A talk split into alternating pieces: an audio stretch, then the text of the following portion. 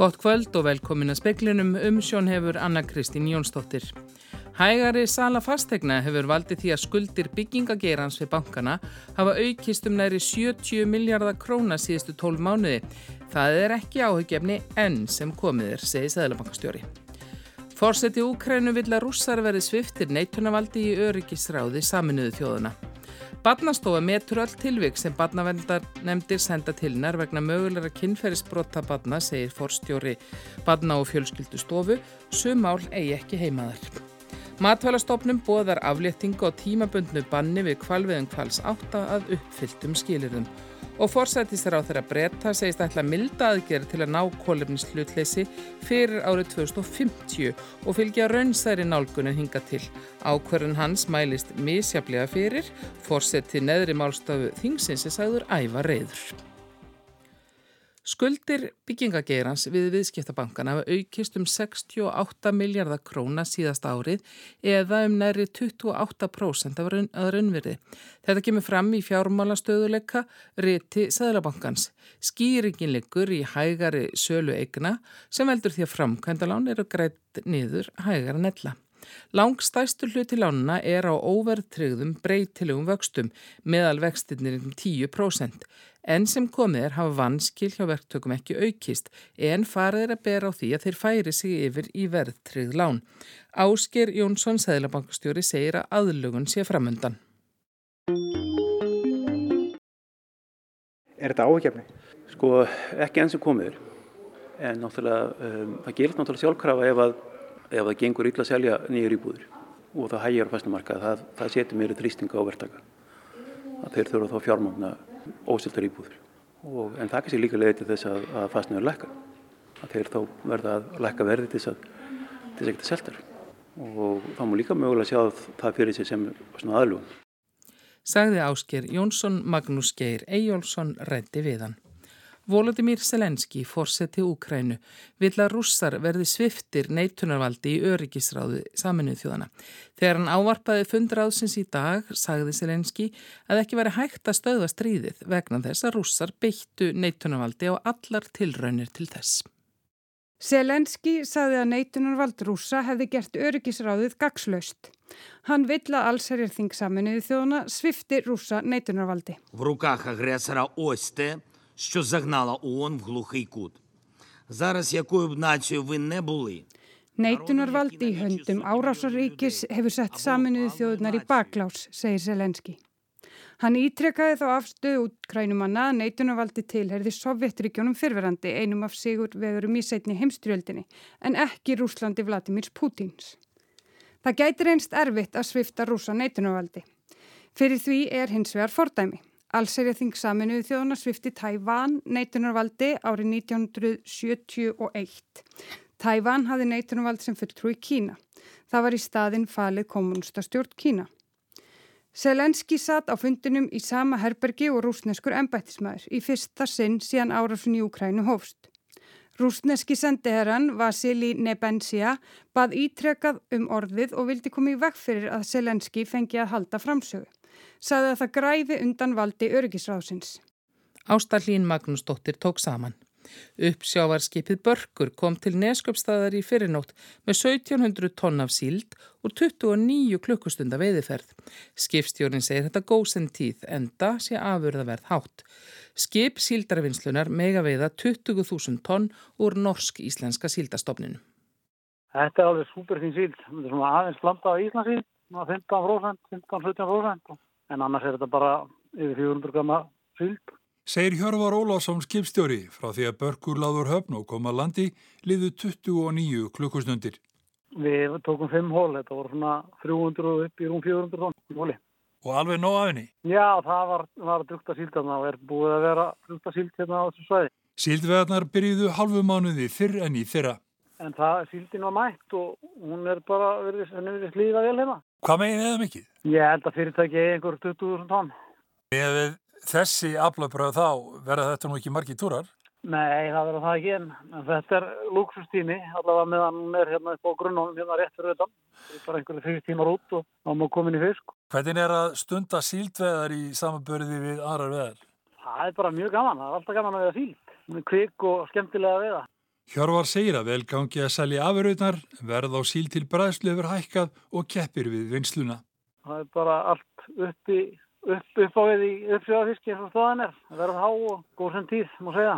En þú vilt nú frekar sjá sítin að fara til mannættiseldurinn í bræðslu, er það ekki? Já, sjálfsögðu, þetta var alltaf farið til mannættis, það er alltaf best. Það er sáleðina. Hjörvar segir að það sé bræla á miðunum núna og vantalega fari hann ekki út fyrir undir helgi. Arna Björnsson tók saman og talaði við Hjörvar Ólafsson. Matvælastofnun hefur lokið rannsókn á frávikum við veiðar kvals átta og bóðar aflýttingu veiðibans með skilirum. Frávikin leitu til tímabunduna stöðunar á kvalveiðum kvals átta. Skilirinn fyrir afléttingu er að skitta síni fram á hæfni sína og skotthæfinga á sjó og uppfæra þarf verklagsreglur þar sem tekið verið mið af aðtöðasemdum frá mast og fiskistofu. Báðar eftirlitsstofnaninnar verða að samþykja breytingarnar og það þarf að kynna áhöfnum kvals 8 og 9. Skilirinn verður að uppfylla áður en veiðar kvals 8 geta hafist á ný. Mast hefur enn til skoðunar hvort lögð verður á stjórnvaldsekt fyrir frávikinn. Öll tilvik kynferðisbrot á börnum eru metinn áður en badnahús tekur ákverðun um hvort að sinna þeim, segir forstjóri badna og fjölskyldustofu. Badnavend sinni mikilvægur hlutverki. Barnahús tekur ekki á móti börnum sem hafa orðið fyrir kynferðis áreiti af hálfu jafnaldra. Ekki er tekið á móti börnum ef gerandin er yngri en 12 óra og 5 ára aldursmunur verður að vera á millið þólanda og geranda. Þetta kom fram í kveik í gerkvöldi. Óluf Ástafaristveit, forstjóri barna og fjölskyldustofu, segir þetta almenn viðmið. Grunnupplýsingar um líðan barsins liggi fyrir hjá barnavendarþjónustu og erindin berast þaðan. Hvert tilvik sé metið en barnið verði að sína merki um áfallastreitu. Ef 11 ára barn brítur gegn 7 ára barni er því ekki sjálfkrafa vísað frá, segir Óluf Ásta. Þannig að við þurfum að gæta svolítið líka hagsmunna þeirra barna sem að virkilega verða fyrir óðbeldi og grófi óðbeldi að þau fái viðingandi þjónustu. Kinnferðislegar kvatir verða að vera á bakvið brotin og þær þarf að greina frá kinnferðislegum leikjum sem valda barninu ekki áfalli. Þá er bara bent á að barnamenn veiti barninu viðingandi þjónustu annars. Það verður með sérfræðinga, sálfræðinga og annars litt hérna bara í sveitapiljónu sem geta þá unni með barnið. Ólufasta segir að barnavendanemt þurfa að fá upplýsingar sem fyrst. Það er mjög mikilvægt að bregðast strax við áður en einkennin fara að verða meiri og, og, og hérna að það vindi upp á sig þau vanleguna einkenni sem barni sínir. Barnahús sinnir málatnum barna sem hafa orði fyrir kynferðisbrotum. Yfir 400 mál voru til meðferðar þar á síðasta ári. Mörg þeirra eru lauruglu og dómsmál. Og Linda Blöndal tók pistilin saman og talaði Ólöfu Ástu Farestveit. Óvissustíja almannavarna vegna rigninga á Östurlandi hefur verið aflýst, hættustíja var aflýst fyrir dag og öllum rýmingum á segðisferðið aflétt. Stitt hefur upp að mest á Östurlandi en áfram er búist við skúrum. Rífa á Íslandsbankahúsið á Kirkjusandi í Reykjavík ár. Húsið er mjög illa farið að vera akka og miklu og ekki einfalt að rífa það. Útbóð vegna niðurifs Íslandsbankahúsins við Kirkjusand verður auglist á allra næstu vekum.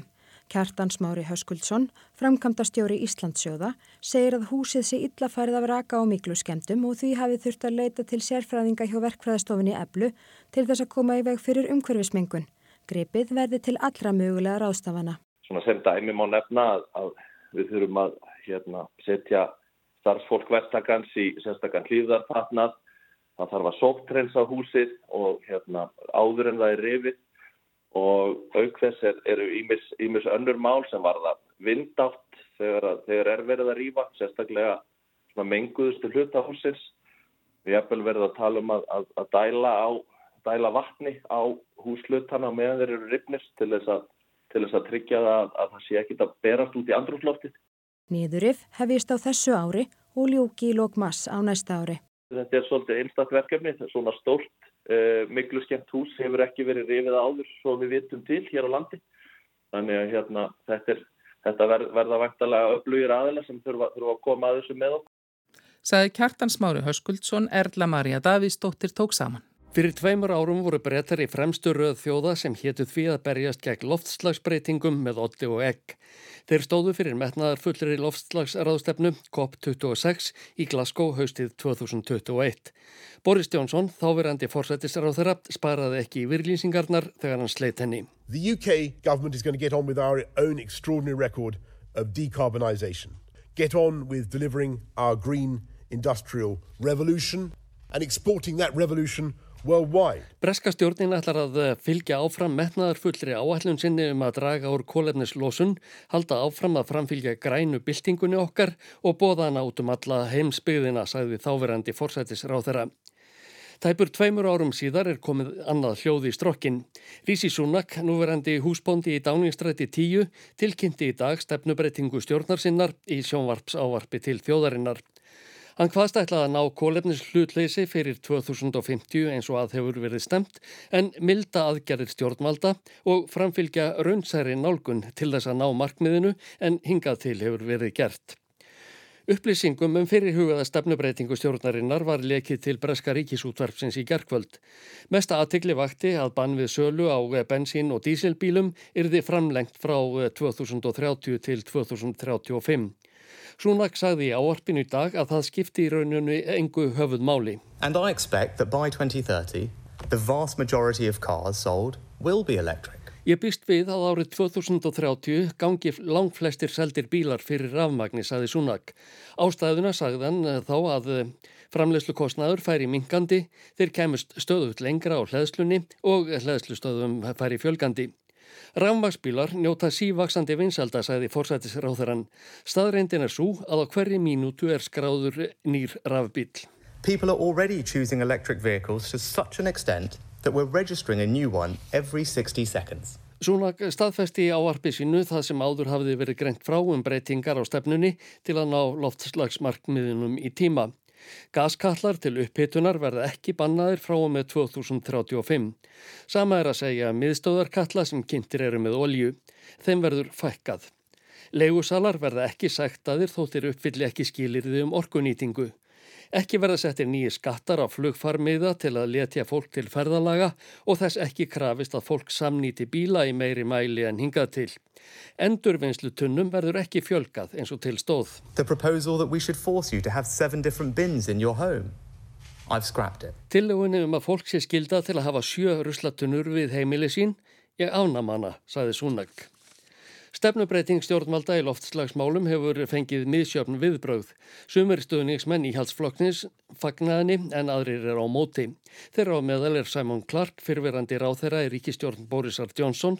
Hann segir að stjórnvöld verði að sína staðfestu í málefnum sem þessum til að fæla ekki fjárfesta frá Breitlandi. We cannot be in a position where we are causing major investors to think that the UK isn't a reliable partner. They will be looking for certainty. Forsvarsmenn bílaframleðenda þar á meðal Ford, BMW og Stellantis tóku undir að stjórnvöld mættu ekki ringla með svo mikilvæg mál sem baróttuna gegn loftslagsbreytingum. Þá hafa fjölmiðlar haft eftir fréttaskýrendum og fleirum að populista likt sé af ákvarðum súnags. Í halsflokkurinn standi ítlaði skoðanakonunum og gripaverði til aðgerða sem falla kjósendum vel í geð til að tryggja fylgi í þingkostningunum á næsta ári. Hljé var gert á störfum Breska Þingsins í gær til 16. oktober. Lindsay Hoyle, eh, fórseti neðri málstofunar, er sagður æfa reyður vegna vinnubræða stjórnarinnar. Að hans sögn hefði hann kallað þing saman að nýju vegna málsins hefði hann til þess völd. Hann hefur sendt Súnak, eh, fórsetis á þeirra bref, þar sem hann viðrar skoðun sína á ákvarðun hans. Þar kemur fram að sögnu talsmanns Hoyle að hann hefði viljað að þingmenn fengju tækifæri til að ræða svo yfirgrips mikla stefnubreitingu. Hægur vandi hefði verið að tilkynna um hana meðan þing var enn að störfum. Áskip Tómasson saði frá.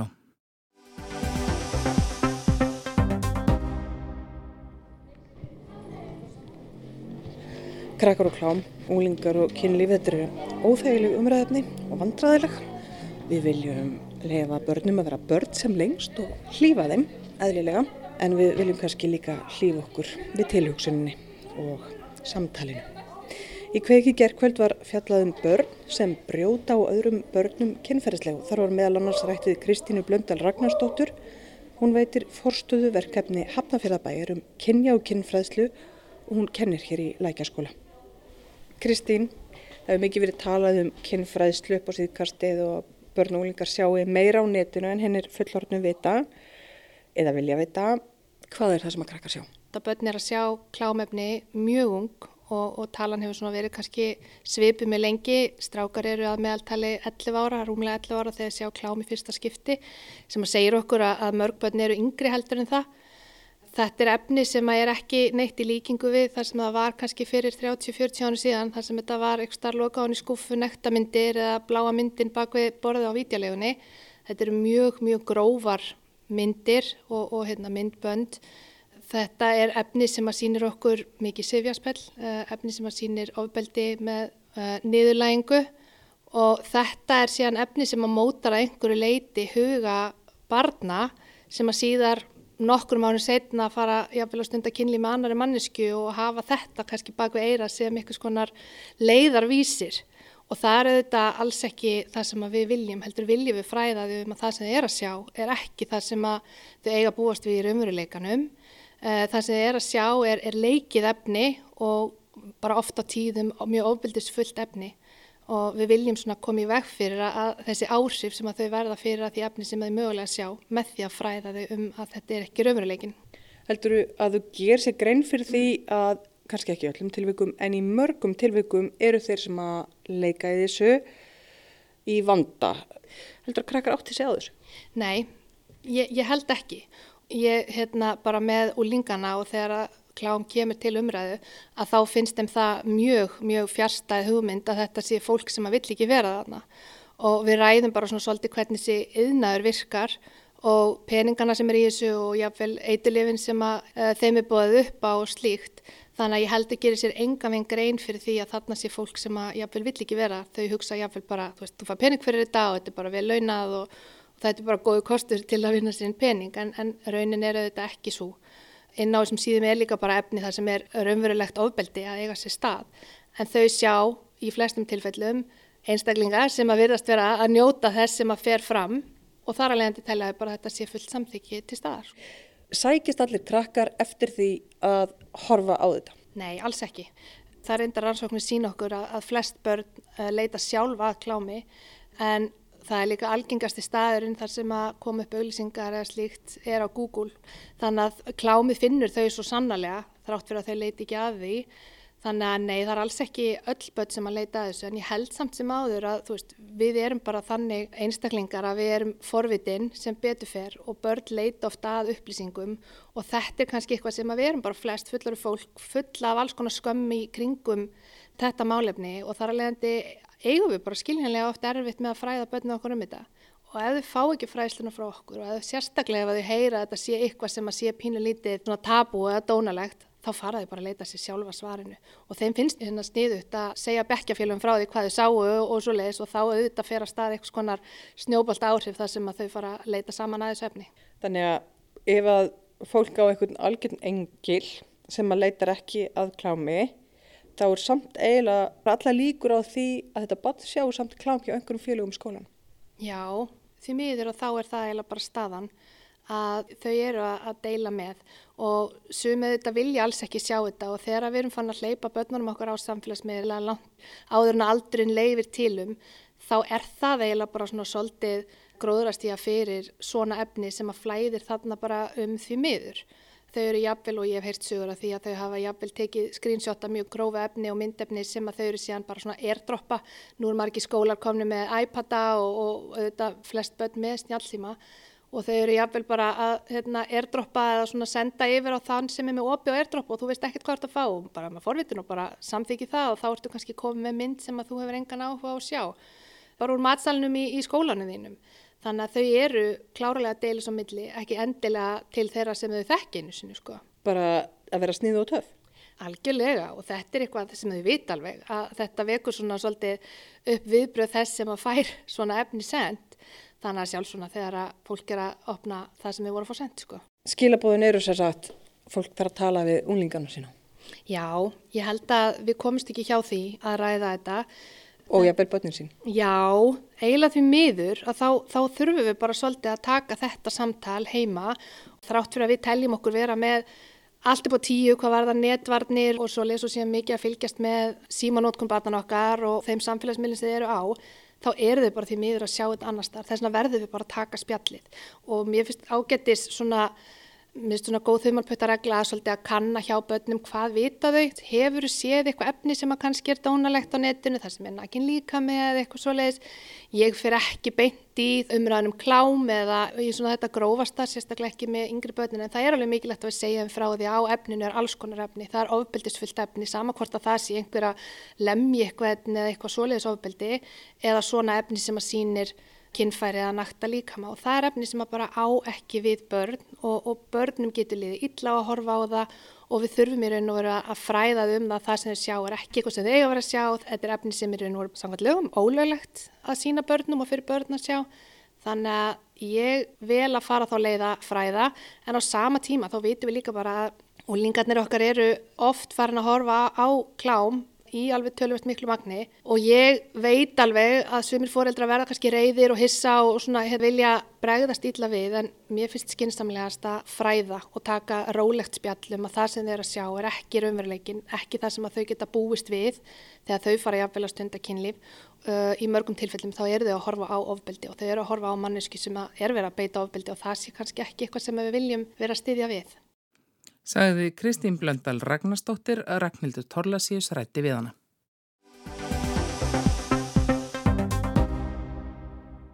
Áformum saminningu framhaldsskóluna tveggja á Akureyri hafa verið brennindepli undan hana vikur.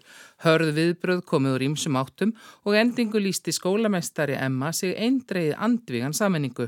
Menta og barnamálaráþara sagðist í heimsóktil Akureyrar hafa fengið vilirið fyrir auknu fjármagni inn í framhaldsskólakerfið sem hann reikna með að breyti saminningar áformum Akureyri. Ásmundur Einar Daðarsson, menta og barnamálar á þeirra, kynnti áform um sameiningu mentaskólans og verkmentaskólans á Akureyri í Hofi 5. september. Skólameistarar begja skóla kynntu áformin meður á þeirra og virtust tiltölulega jákvæðir. Fljótt fór að bera á hörðum viðbröðum úr ýmsum áttum og styr stóð um ráðherran. Nokkurinn dögum eftir kynninguna í hofi sagði Karl Frímansson, skólameistari mentaskólans, að hann væri ekki hlindur saminningu ef áformin væru engöngu í hagraðingarskinni. Undir það tók Sigriður Huld Jónsdóttir, skólameistari verkmentaskólans.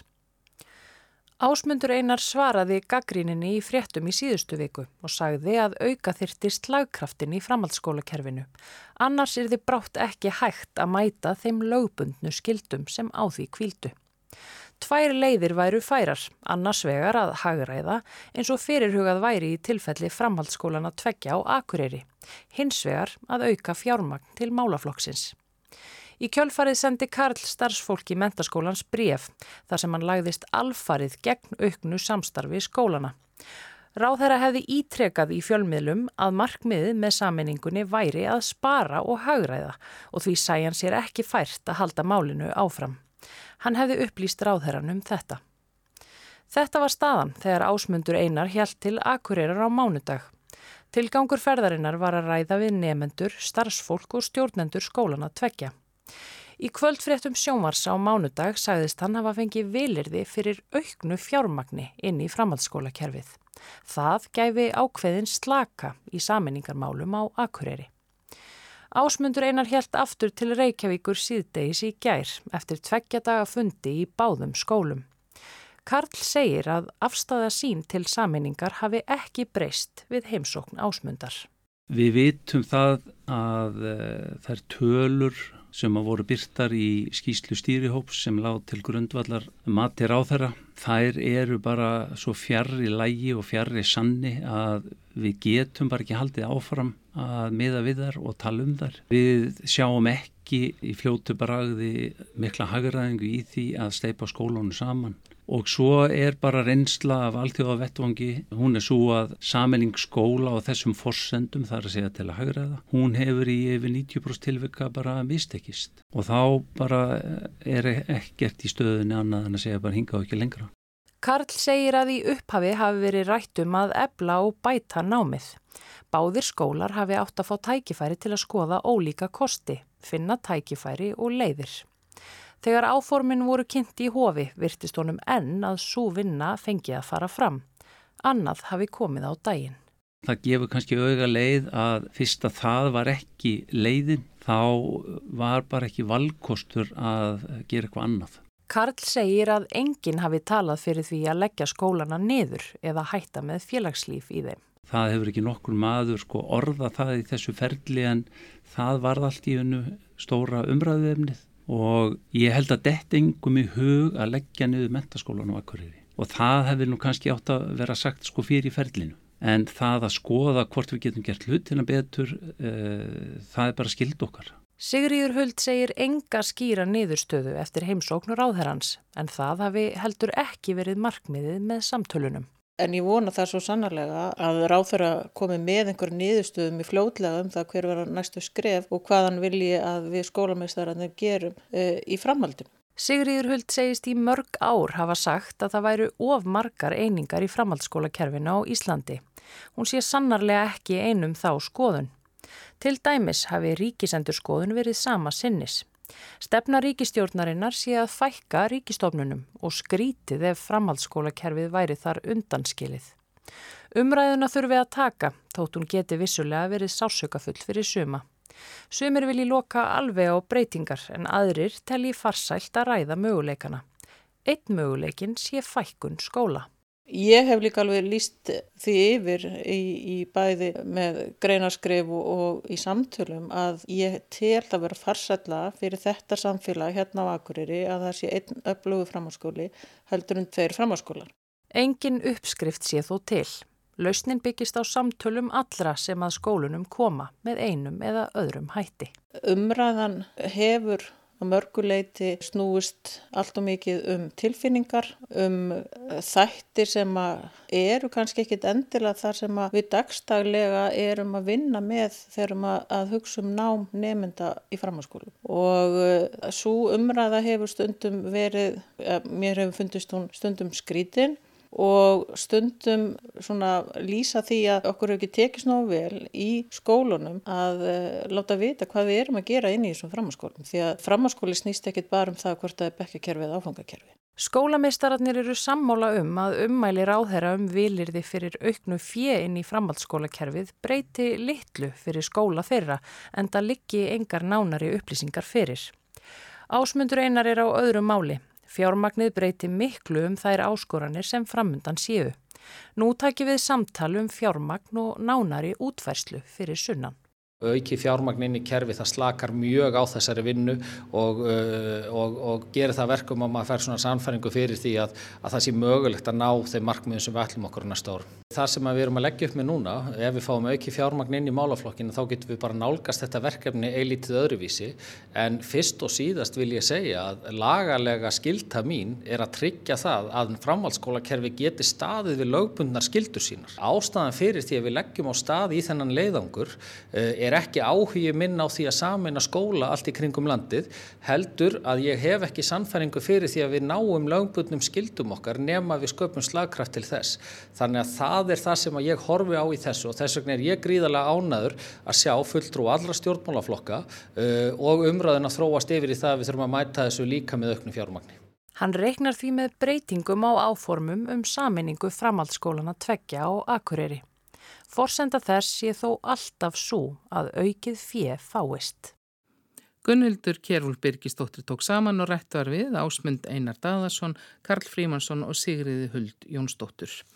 Veðurhorfur til miðnættis annað kvöld, það verður norðaustanátt víð á bylnu 10 til 15 metrar, dáli til rigning norðan og austanlands en létt skeið á söður og vestulandi, hitti 4 til 12 stig og hlýjast sunnanlands. Norðan 8 til 13 á morgun og skúrir eða jél á norður og austurlandi en áfram sólríkt sunnan heiða. Hitabilnu 2 til 10 stig og mildast verður siðst. Fleiri ekki speklinum í kvöld, tæknimaður var Jón Þór Helgason, Ingi Björg Sara Guðmundsdóttir stjórnaði fréttótsendingu, veriði sæl.